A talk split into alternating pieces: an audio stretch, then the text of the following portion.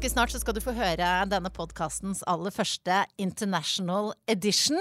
Men uh, før det så vil jeg bare si fra at det planlagte arrangementet Bra damer live, som egentlig skulle vært på Rockefeller 18. mars, altså om en knapp uke, det er dessverre utsatt. Vi skal finne en ny dato, og jeg gleder meg sånn til å se dere alle sammen og til å ta podkasten til uh, Rockefeller. Men det blir ikke akkurat nå. Nå må alle bare passe på sin egen og og andres helse, men selvfølgelig fortsatte å høre på podkast. Og takk for at du laster ned Bra damer. Det er jeg veldig takknemlig for. Og så ses vi på Rockefeller til Bra damer live en annen gang, dere. Men så Denne podkasten har eksistert i fire år. Men dette her som skjer nå, er altså den første internasjonale gjesten jeg har.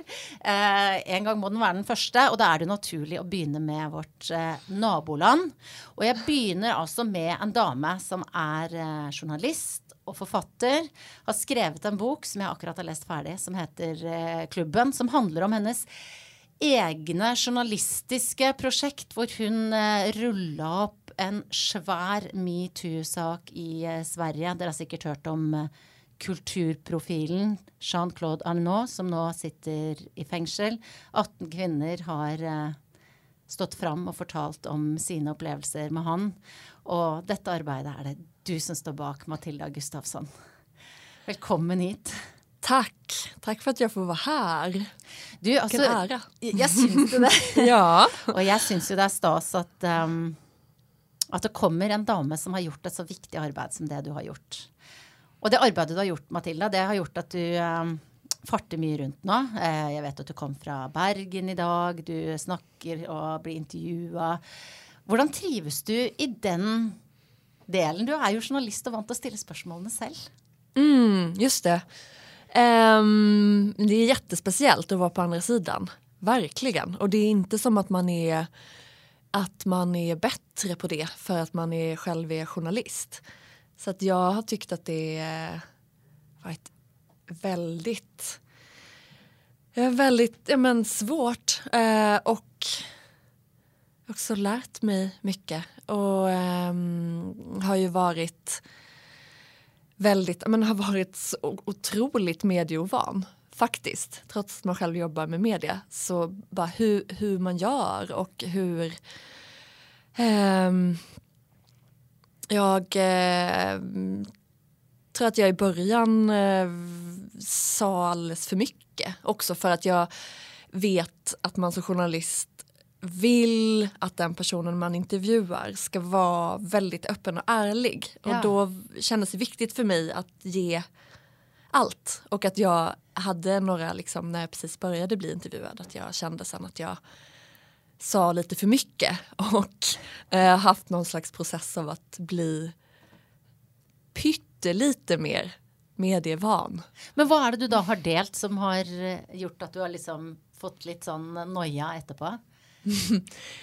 Jag tror att det um, ja, men det kan handla om kanske inte så mycket personliga saker kring mig för att det har Eh, vilket har varit skönt. Det har varit väldigt mycket fokus på historien. Eh, för att den är så extrem och det finns så mycket där som är så gåtfullt. Så då kanske det kan handla om att till exempel eh, spekulera lite för mycket i olika saker som där man egentligen inte vet. Men det finns ju många, den här historien väcker många frågor som människor är eh, nyfikna på. Um, och där uh, man såklart, jag, som jag såklart också är nyfiken på och kan ha olika teorier kring men mm. som jag kanske inte ska liksom, sitta och uttala mig om eftersom att jag inte alls vet. Och det är ju en ting som du skriver om i boken din, att du är väldigt sober og nøysom når det gjelder personkarakteristikker og bruk av adjektiver. At du beskriver hvordan du og sikkert også redaktøren din ville renske teksten din for at mm. den skulle beskrive fakta, men ikke komme med andre påstander om hvordan eh, disse personene du skrev om, var. Eh, hvor vanskelig var det? Mm. Men det var Eh, Eh, det, var, det var extremt viktigt att vi gjorde det. För att det inte skulle vara... Eh, det, det, fick, det fick aldrig bli moralism och det fick aldrig bli... Um, ja, men, eh, på något sätt att, att beskriva hans brott men inte komma med olika fällande domar om vem han skulle vara som människa. Uh, och det fanns också i vissa delar av metoo-rapporteringen eh, i Sverige men också i USA ett fokus på eh, de här anklagade männens eh, karaktärer, på deras missbruk, eh, på deras sexuella preferenser. Och det blev ett shameande mm. som faktiskt påminde om det shameande som genom hela historien har riktats mot kvinnor som har vittnat om att de blivit våldtagna. Att man har gått in för att liksom måla upp vilka de är som människor och prata om deras sexliv och alkoholism och sådär. Och det är något, det finns något väldigt obehagligt i det och um, ja, men just skam är, ja, det är inte att leka med. Uh, för att det, um, det har ju, ja, genom historien finns det ju ganska många exempel på kvinnor som har begått självmord efter till exempel slutshaming på nätet. Mm. Och så så den, att skapa liksom skam kring vem någon är som människa är väldigt farligt. Så det var viktigt att, ja, att, att inte ha med den sortens eh, formuleringar. Och det verkar ju som att eh, många av grunderna till att det har gått så, alltså att dina avslöjningar hade så stor betydning är att du hållit hodet kallt nettopp på, på de tingene där att du var väldigt nöje, detaljerat, faktasjekka, faktasjekka. Men också, tänker jag, holdt motet uppe att du fortsatte. At det tappade inte motet, liksom. Var mm. du någon gång rädd för, eller hur när var du att ge upp? Eh, du tänker i boken? Ja, eller, eller med ditt journalistiska projekt tänker jag, eller när du, mm. när du jobbat med avslöjningarna. Eh, mm. var det någon gång du tänkte att det inte kom att gå? Eller att du inte turte? Um, nej, det, det var inte det. Framför allt var det inte det med artikeln. Um, däremot så... För att för mig var det när jag liksom fick höra de tidiga vittnesmålen om våldtäkt så var det väldigt mycket en, en punkt av att jag kände att det inte fanns någon återvändo. Att det var helt omöjligt. Så att då eh, fanns det ju snarare en väldig rädsla för att inte kunna publicera det. Och som ju handlar om att, de, att kvinnorna skulle kunna dra sig ur. Vilket de hade rätt att göra hela vägen. Um, så att snarare så var jag ju skräckslagen inför tanken på att att det här inte skulle komma fram. Alltså det var något väldigt det var en väldigt klaustrofobisk känsla. Alltså att, att och, och den klaustrofobin hade ju funnits hos många av de här kvinnorna som hade blivit utsatta. Att de hade blivit utsatta för det här. Och det fanns ingenstans att prata om det på. Alltså de var tvungna att bära det helt ensamma eh, den här kunskapen om vad som pågick.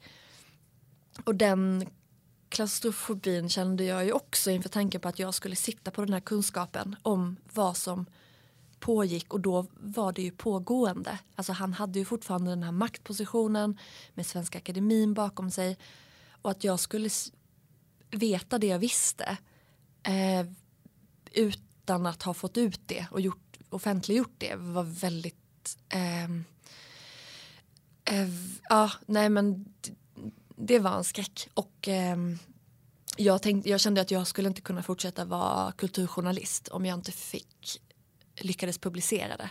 För jag skulle inte kunna hålla på med, du vet, mm.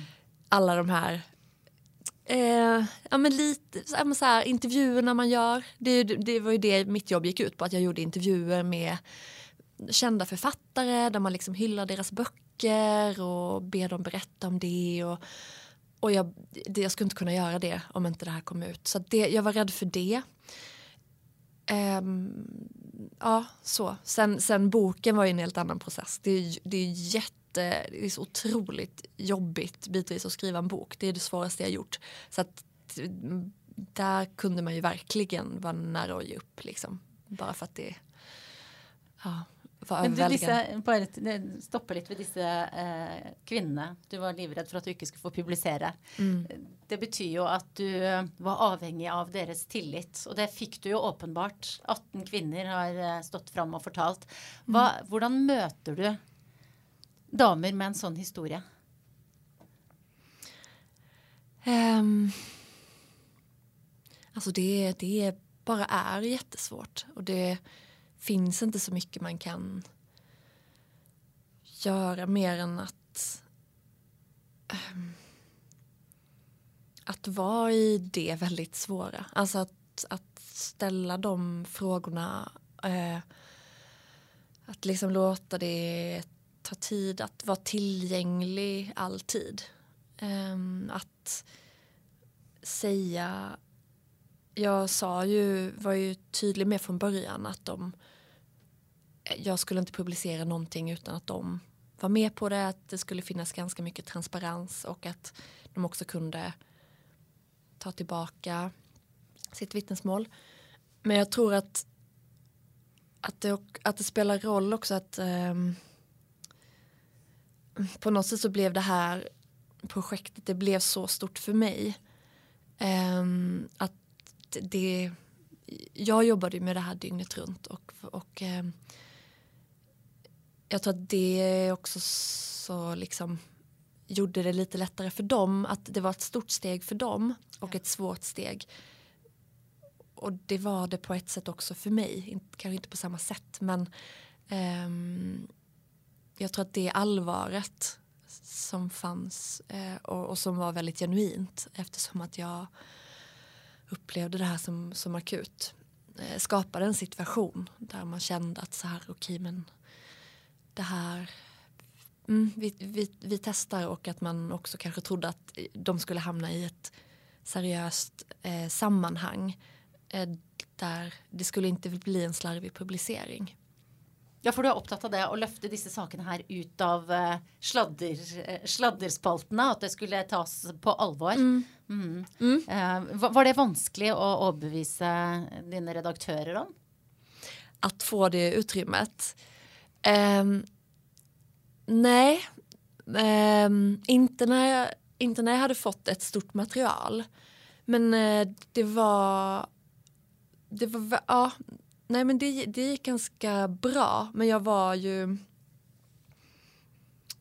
um, så jag behövde inte kriga, eh, kriga för det men det var ju någonting jag sa väldigt tydligt att det här, den här, det, här, liksom, det här jobbet måste få första sidan på både kulturdelen och eh, huvuddelen och eh, alla skulle fotograferas.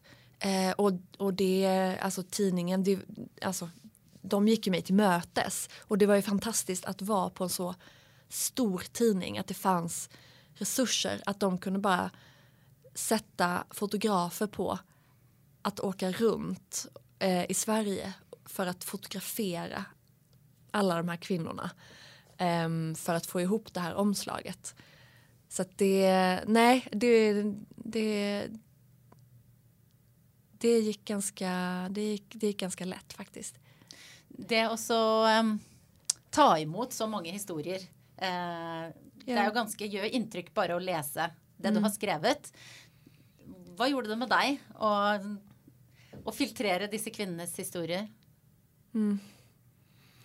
Jag tror att det hade varit um, väldigt outhärdligt om det inte hade funnits en riktning på något sätt. För att nu fanns det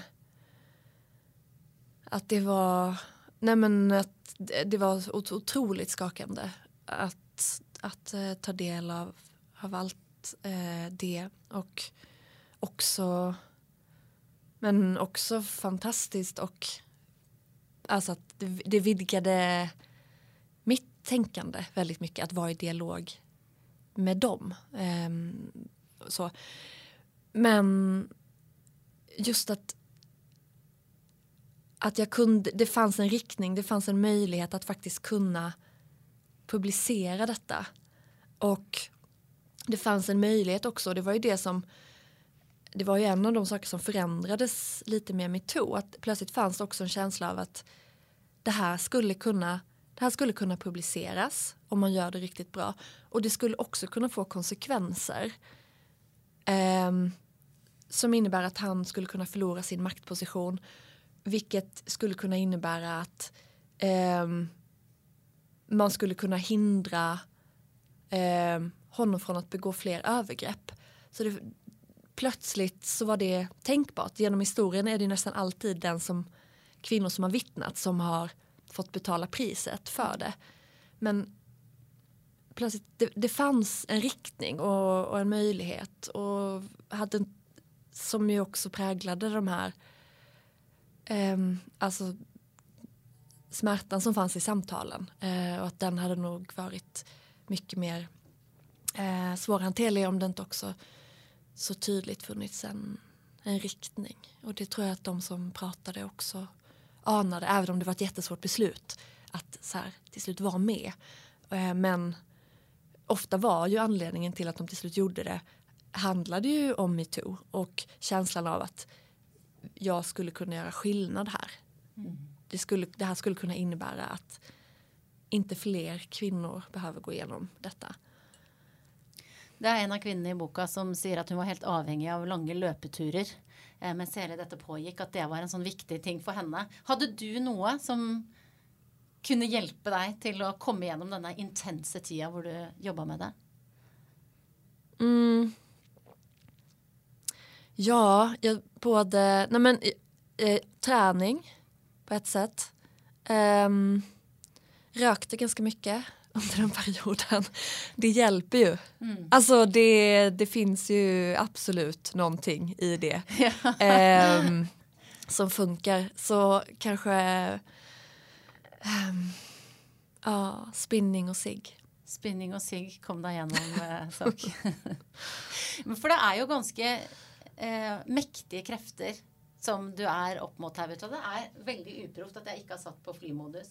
Jag tror det är mamman min som ringer. Men hon kan inte... Det var jag som tror att det är min hela tiden. Nej, det, det är väldigt mäktiga krafter du har varit eh, upp mot. Ikke sant? Och det skriver du också om. Det är ju en ting är själva övergreppen som blir beskrivet i boken. Men kanske lika chockerande är ju på måte hela systemet runt. Ting som har eh, blivit lagt till rätta för att dessa övergreppen har kunnat fortsätta. Du beskriver det ganska gott som om det bara är som att han halta att han hade liksom en sån eh, en flaw då, inte sant? Mm. Um, och det var många som mäktiga människor som var med och gjorde att det var möjligt att fortsätta så. Mm. Eh, hur rädd har du varit när du har jobbat med detta? Um, jag var rädd mot slutet innan artikeln publicerades. Um, jag var rädd för jättemycket saker. Alltså att kvinnorna skulle dra sig ur eller att att eh, de inte skulle bli trodda och sådär. Men också för att jag inte visste om Jean-Claude skulle vara kapabel att ja, men, försöka på något sätt eh, påverka vittnena eller påverka mig. Eh, det var ju ja, men det var ju det var ju så otroligt allvarliga anklagelser och ett så explosivt material som, precis som du säger, som eh, berörde väldigt många människor med väldigt mycket makt. Eh, så att det var... Jag, jag var rädd framförallt de sista dygnen efter att jag hade kontaktat Jean-Claude Arnault eh, för att få kommentarer och be om en intervju. För då visste jag att han visste. Ja. Eh, så då vet jag att jag ja, men då kollade jag mig över axeln innan jag gick ut ur porten och så. Um, men det, det hände aldrig, alltså det, det fanns inga sådana, inte den sortens påtryckningar. Du skriver om det i boka det också, men kan du säga något om hur Hvordan hade du det då rätt för det skulle publiceras? Mm. Vilka känslor var det som gick igenom dig då? Jag... Um, ja, men det, det är nog ett av de mest intensiva ögonblicken i mitt liv. Att jag... Um, jag hade inte sovit någonting den natten. Och kunde inte föreställa mig vad som skulle hända efter publiceringen. Att det var liksom bara en sån svart ruta, alltså som en svart ruta efter liksom, när filmen är slut och så är det bara en svart ruta och att sen efter det, man kan liksom inte komma åt den verkligheten. Och nej men det var också, det handlar om Svenska Akademin och det handlar också om hela kulturvärlden. Det rörde så otroligt många och det var som att vilket gjorde det så extremt oförutsägbart. Um, och jag var också men sen var jag också väldigt rädd för, och det insåg jag precis innan det, liksom vi tryckte på, på något sätt publiceringsknappen, mm. att jag tror att min största skräck var att inget skulle hända att, att den bara skulle publiceras. Ehm, nå, några skulle dela den på Facebook. Um, sådär. Någon skulle skriva någon kommentar. Och sen så efter några dagar så skulle du vet den sjunka undan. Så som de flesta nyheter sjunker undan. Och det var det var en sån skräck och att det också kanske hängde ihop med den här tomheten. Att, att jag, det var ju tomheten jag fruktade att inget skulle hända. Mm. Att det var ja, det var ett väldigt, väldigt speciellt ögonblick. Men så skedde det ju nog i allra högsta grad. Vad tänker uh, du om, om den påverkningskraften? Alltså, du har ju förändrat massa. Mm. Hvordan, vad tänker du om det? Um, ja, det har varit um, ja, men det har varit helt otroligt att följa det. Uh, jag tänker så mycket, för att det är så mycket, det är så många olika turer och saker som har förändrats. Men det um, och saker som är, har varit ganska så här smärtsamma att bevittna och saker som har varit väldigt eh, ja, men väldigt stärkande och eh, bara så här häpnadsväckande att se. Till exempel att han blev, att han blev dömd. Um, det hade inte du trott? Nej. Varför inte det? Därför att jag har haft, och, och jag kan, alltså metoo eh, kan på många, har liksom fått mig att känna mig gammal eh, på vissa sätt för att jag kan Eh, nej men om jag tänker på min egen tonår så hade vi inget språk för det här. Alltså vi, det hände sådana saker. Någon blev våldtagen på en fest. Eh, liksom ol olika mängder av situationer. Och att vi vi hanterade det. Vi bara så här navigerade i det och man pratade om det i termer av att men, han var ett svin, akta dig för honom, vi hatar honom. Det var liksom, man, man så här dealade med det utan att använda rätt ord för händelserna. Mm. Och att jag själv aldrig har anmält någonting och jag, har inte upp, jag uppmuntrade inte heller mina kompisar att anmäla saker. Utan det var något man på något sätt så här, man skötte det på egen hand. Um, och den, och, och där tror jag någonting har förändrats. Och just den här föreställningen om att det, alltså, man kan inte gå till polisen med det här för att man kan bara förlora. Eh, det kommer bara vara en fruktansvärd process för offret. Eh, det går inte att få rätt om man inte har jättemycket teknisk bevisning och om eh, det inte typ är en klassisk överfallsvåldtäkt. Så den liksom, jag har haft en sån liksom, mer eller mindre omedveten föreställning om att rättssystemet inte kan, inte finns för oss faktiskt. Och den föreställningen hade jag ganska mycket inför rättegången mot Jean-Claude Arnault och eh, trodde att han skulle bli frikänd. Så det var faktiskt starkt för mig personligen att se att rättssystemet, hur de kunde hantera det här fallet och hur de jobbade med bevisning. Eh, men hur, alltså, det, det fanns eh, det förändrade min bild av rättssystemet på ett väldigt positivt sätt. Um, ja, det är en sak som mm. har kommit ur det här. Det har, kommit, det har hänt så otroligt mycket. Men ja. för mig är det um, ja, något väldigt starkt att ha fått liksom bevittna det. det. Du sa det är någonting som har varit smart, eh, smertefullt att bevittna. Vilka ting är det? Um, alltså det, det var ju det har ju varit skrämmande att bevittna delar av um, ja, men hur delar av Svenska Akademin har velat hantera det här. Mm. Och um, ja, men vad som vad som hände och vad som hände med Sara Danius um, har varit ja, djupt, alltså, djupt chockerande och uh, ja, men, obehagligt. Mm. Som också då var den faste sekreteraren i akademiet som blev på en måte, eh, inte på en måte, hon blev presset ut. Uh. Eh, för de som inte känner detaljerna i, i den saken. Och i det hela taget, eh, väldigt mycket omvältningar och maktspel som har skett i den eldgamla institutionen som mm. eh, Svenska akademin är. Och det är också fascinerende å lese også, fordi jeg tror det er, det er, jo visse forskjeller på Norge og Sverige. Og at dere har en mer sånn eldre overklasse, og hierarki er kanskje litt sånn tydeligere. Så noe av det der er liksom Oi, oi, oi, der sitter hun på Selma Lagerlöf sin stol, og det er ikke måte på. Det er litt sånn fascinerende oppi det hele. Um, och så kommer du och röskar upp i det.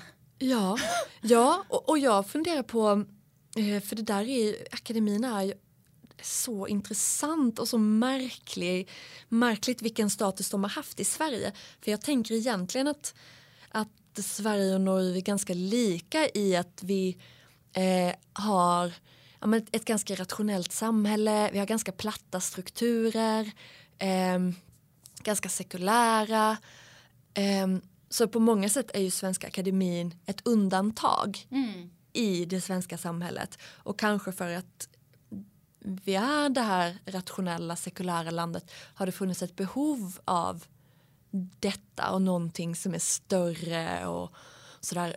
Eh, för att de har ju haft en position som är liksom bortom, bortom kunglig. Alltså nästan, finns något religiöst i det.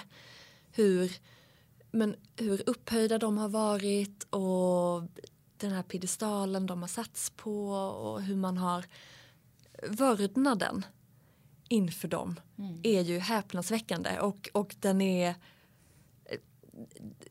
det, och den är också en kontrast mot resten av det svenska samhället skulle jag säga. Mm. Um, och, och um, jag tror att det här avslöjandet blottade ju Svenska Akademin. Plötsligt så trädde de fram och vi fick inblick i den här institutionen och det här slutna rummet öppnade sig. Och det var ju förödande. För det som också utmärkte dem innan var att de var väldigt upphöjda. Men de var också helt slutna. Man visste ingenting om dem. Ingenting om vad som skedde inne på de där mötena. Det fanns ett hemlighetsmakeri och det förstärkte den här fascinationen inför dem. Och att de näst sällan liksom steg ner till de vanliga dödliga. Så att om det skrevs om Svenska Akademin så kommenterade inte de det. Utan de stod över det där. Mm. Um, och det gjorde också att det var helt omöjligt att föreställa sig hur Svenska Akademin skulle agera efter min publicering eftersom att de alltid har svävat lite ovanför verkligheten. Mm det er jo mange store saker som går parallelt med dette. Du ble jo selv inspirert av avsløringene rundt uh, Harvey Weinstein. Nå ble jo han nettopp uh, dømt. Um, og uh, vi har en sak som går her i Norge akkurat nå, med en annen kulturprofil. det er jo flere sånne saker, når du leser om dem, som jeg tipper du gjør som meg, liksom kaster deg over alt som er. hva er det du, altså, hvilke likheter ser du? I disse ulike sakene som rulles opp? Mm.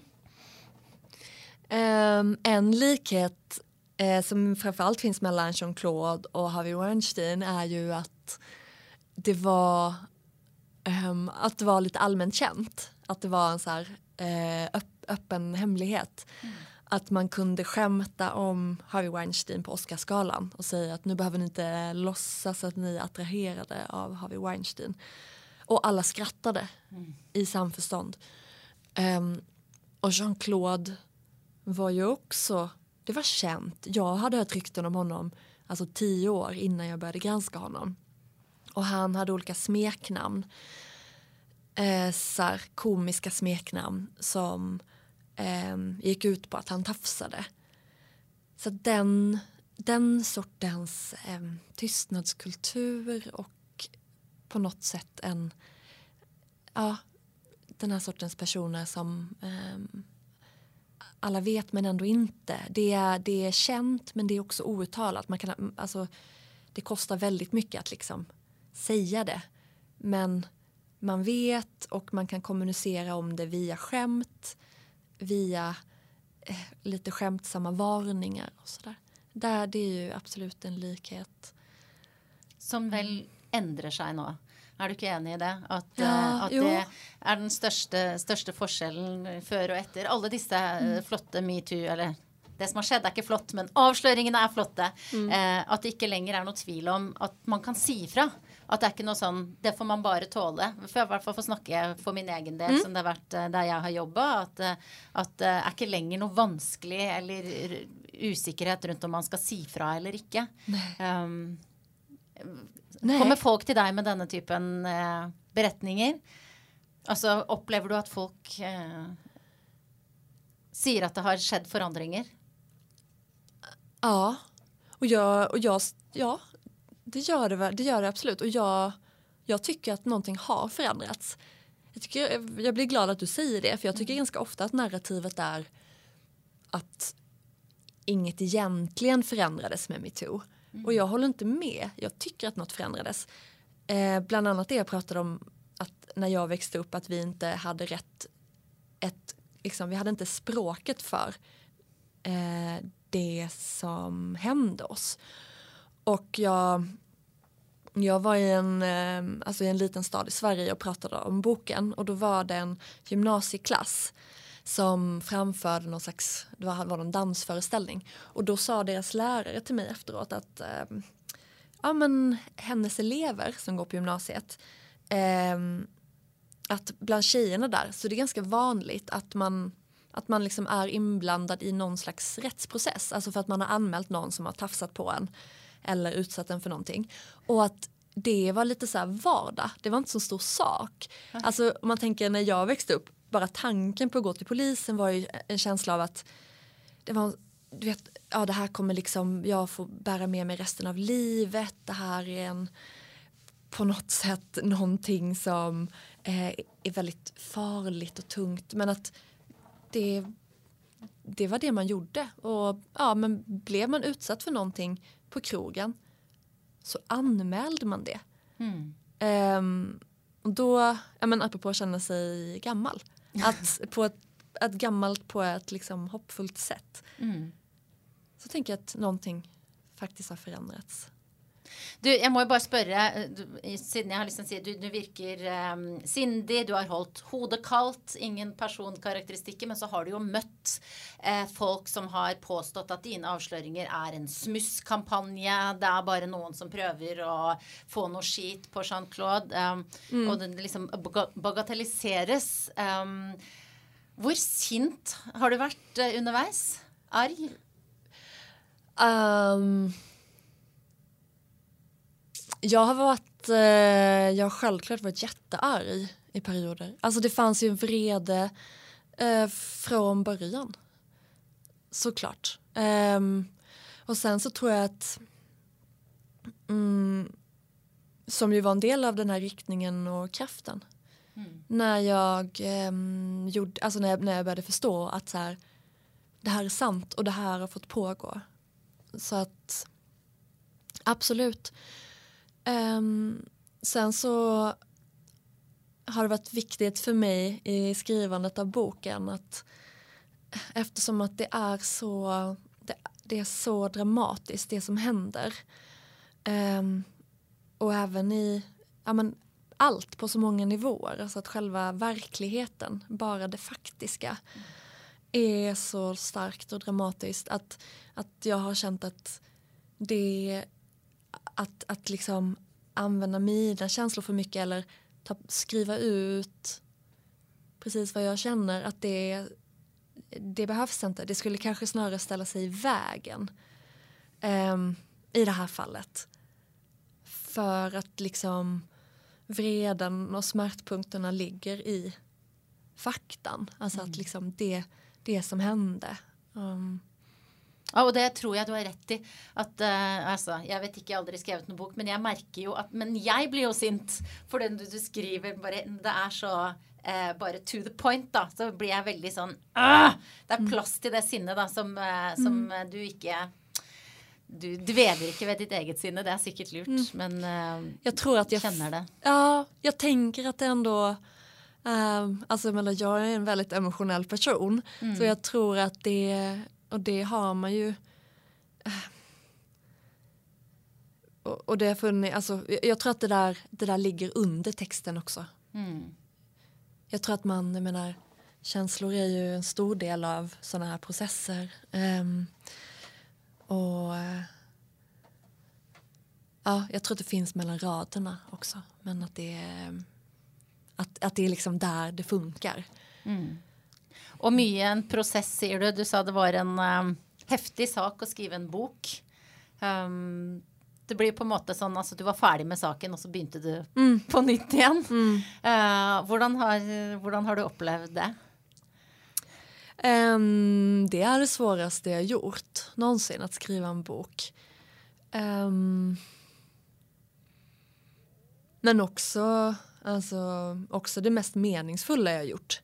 Alltså att jag upplever väldigt tomhet nu eh, i att vara utan den här, alltså jag har ju varit i dialog med så många människor som har blivit mitt universum. Alltså människor, inte bara hans offer utan också andra människor som pratar i boken.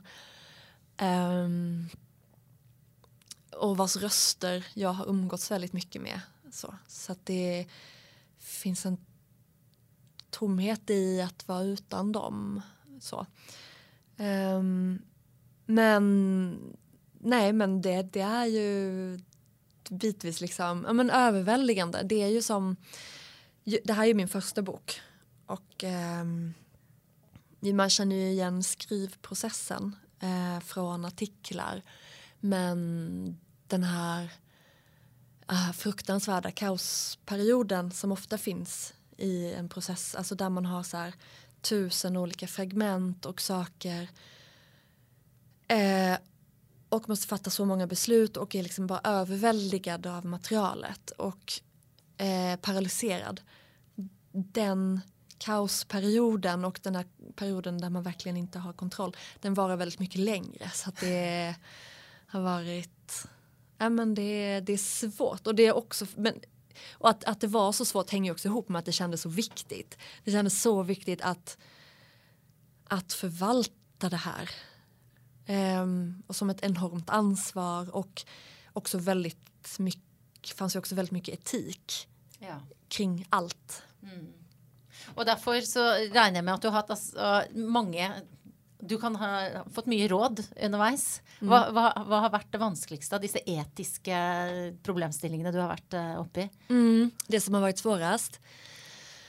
Um, ja... Mm. Ja men det handlar väl lite om... För mig var det väldigt svårt kring, så här, hur nära hur nära kan jag gå eh, Jean-Claudes privatliv? Um, hur mycket kan jag skriva om Katarina Frostenson? Och, um, som är hans fru. Mm, mm. Precis, som är hans fru. Och det var... Ja, det brottades jag väldigt mycket med. Um, och det var ganska... Det var, det var lite förlösande för mig när hon släppte en egen bok. Mm. Där hon skrev ut exakt ja, men hon talade med väldigt stark röst i den boken. Om, hon gav sin bild av saken och hon berättade hur hon trodde eller hon menade att det här hade gått till och så. Och det var, det var befriande för att det känns lättare att beskriva någon eller eh, förhålla sig till någon som själv talar. Mm. Och innan den boken kom så upplevde jag att jag skrev om någon som tyckte sakna röst. Um, men när hon faktiskt talade så blev det lättare för mig att också skriva om henne för hon har ju en väldigt väldigt um, fascinerande och um, bitvis gåtfull uh, roll i det här, det här dramat. Hon är, hon är jättecentral mm. för att förstå vad som har hänt. Och det är ju en helt, det skulle vi nästan haft en egen podcast till. Det är flera som har skrivit om de norska aviser också, dessa kvinnorna som står vid sin mans uh, sida, de olika rollerna mm. de går in i. Men uh, ja, det måste du skriva bok om en gång. Det är mm. väldigt intressant. Jag tänker du snackar om tomheten. När du har gjort dessa stora avslöjningarna, mm gjort ett så viktigt arbete, skrivit en bok om det. Vad, vad gör du nu? Vad kommer efterpå? Vad ska du kasta dig över nu? Ingen aning. Jag har ingen aning. Jag är i det här eh, tomrummet nu bara. Så jag, vet inte. Jag ska tillbaka till tidningen ganska snart. Och då antar jag att jag kommer, du vet, få någon annan kommer be mig göra någonting. Och eh, så. Men jag, nej, jag har inga, just nu har jag inga så här stora planer. Jag tror att också, det känner man ju också igen från skrivprocessen innan.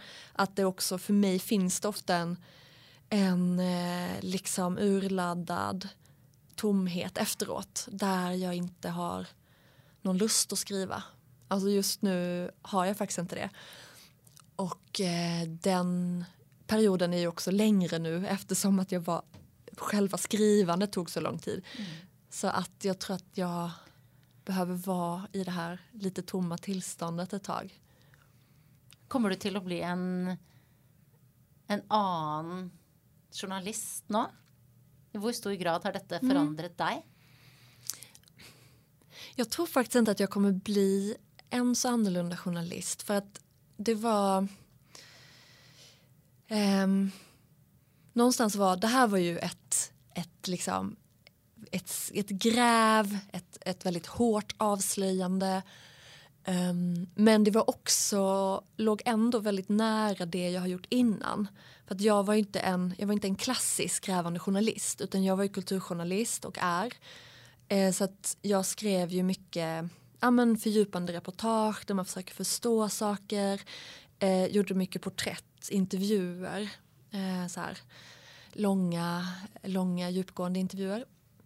Och för mig är det också ett sorts grävande. Mm. Alltså att man gräver och utforskar liksom eh, så människor och eh, känslor och eh, liksom rörelser i tiden, förändringar. Eh, så att jag tänker att jag var en undersökande journalist innan det här också. Och att det är samma det har varit ganska mycket samma arbetssätt nu. Alltså att det har handlat om att bygga förtroenden och lyssna och eh, försöka förstå saker eh, och att tolka saker. Och så. Att jag, mitt arbetssätt har varit sig ganska likt och jag tycker att det men det känns, det känns kul att de här att det förhållningssättet och de metoderna som ibland liksom, ja, men anses vara feminina och som kan liksom tolkas som mjuka eh, visade sig vara stenhårda. Och kanske hade du inte fått till de samma avslöjningarna om du hade haft en mer klassisk eh, gravande journaliststilen? Nej, det hade inte gått. Jag är väldigt glad för att du har uh, haft is i magen och stått på. Nu är det din! Endelig! Nå er det Matilda Gustavsson sin mobil som ringer, men min har ringt to ganger i løpet av intervjuet, så jeg kan ikke ta henne på noen ting. Tusen takk for at uh, eh, du har skrevet og gravd, uh, eh, og for at du kom hit til podkasten min. Tack för att jag fick komma, verkligen.